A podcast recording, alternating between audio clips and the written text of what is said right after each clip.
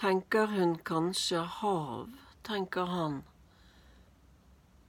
Syv blader fra notatbok.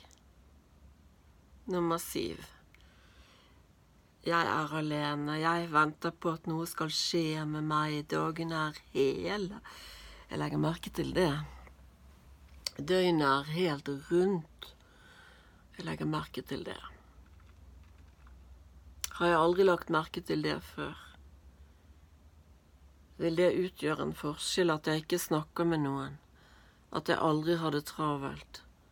Høye brøytekanter av bøker rundt meg, Camus-pesten, ligger i vinduskarmen.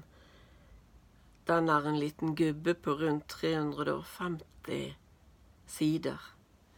Når jeg leser i Pesten, tenker jeg at det er som å lese med Gre, og mye mer spennende selv om jeg vet hvordan det går. Vet jeg at han lar byllepesten oppstå? Den som sluknet for så lenge siden og bare er aparte karnevalskostymer og dansende skjeletter i bøkene. Og rotter. Nå har allegorien blitt virkeligheten min. Jeg er poeten som ikke går ut. En forsvinnende liten rolle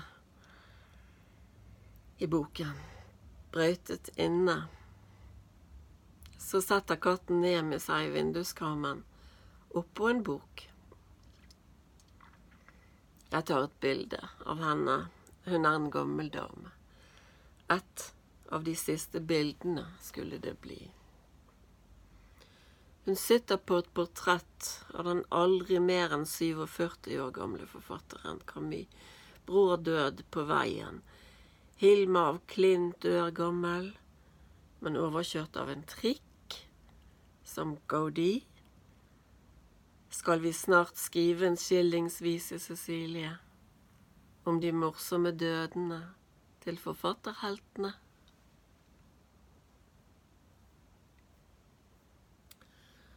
Og jeg har lest Robinson Crusoe en gang på jenterommet, men dagboken til Daniel Differ The Plague har jeg ikke hørt om før nå.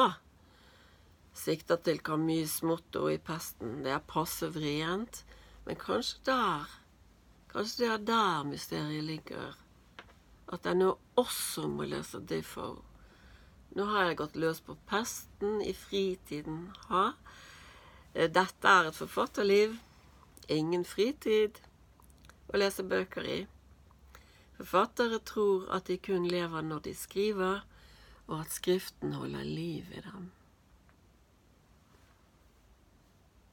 Pangolinen vet at det er solen som gir den liv.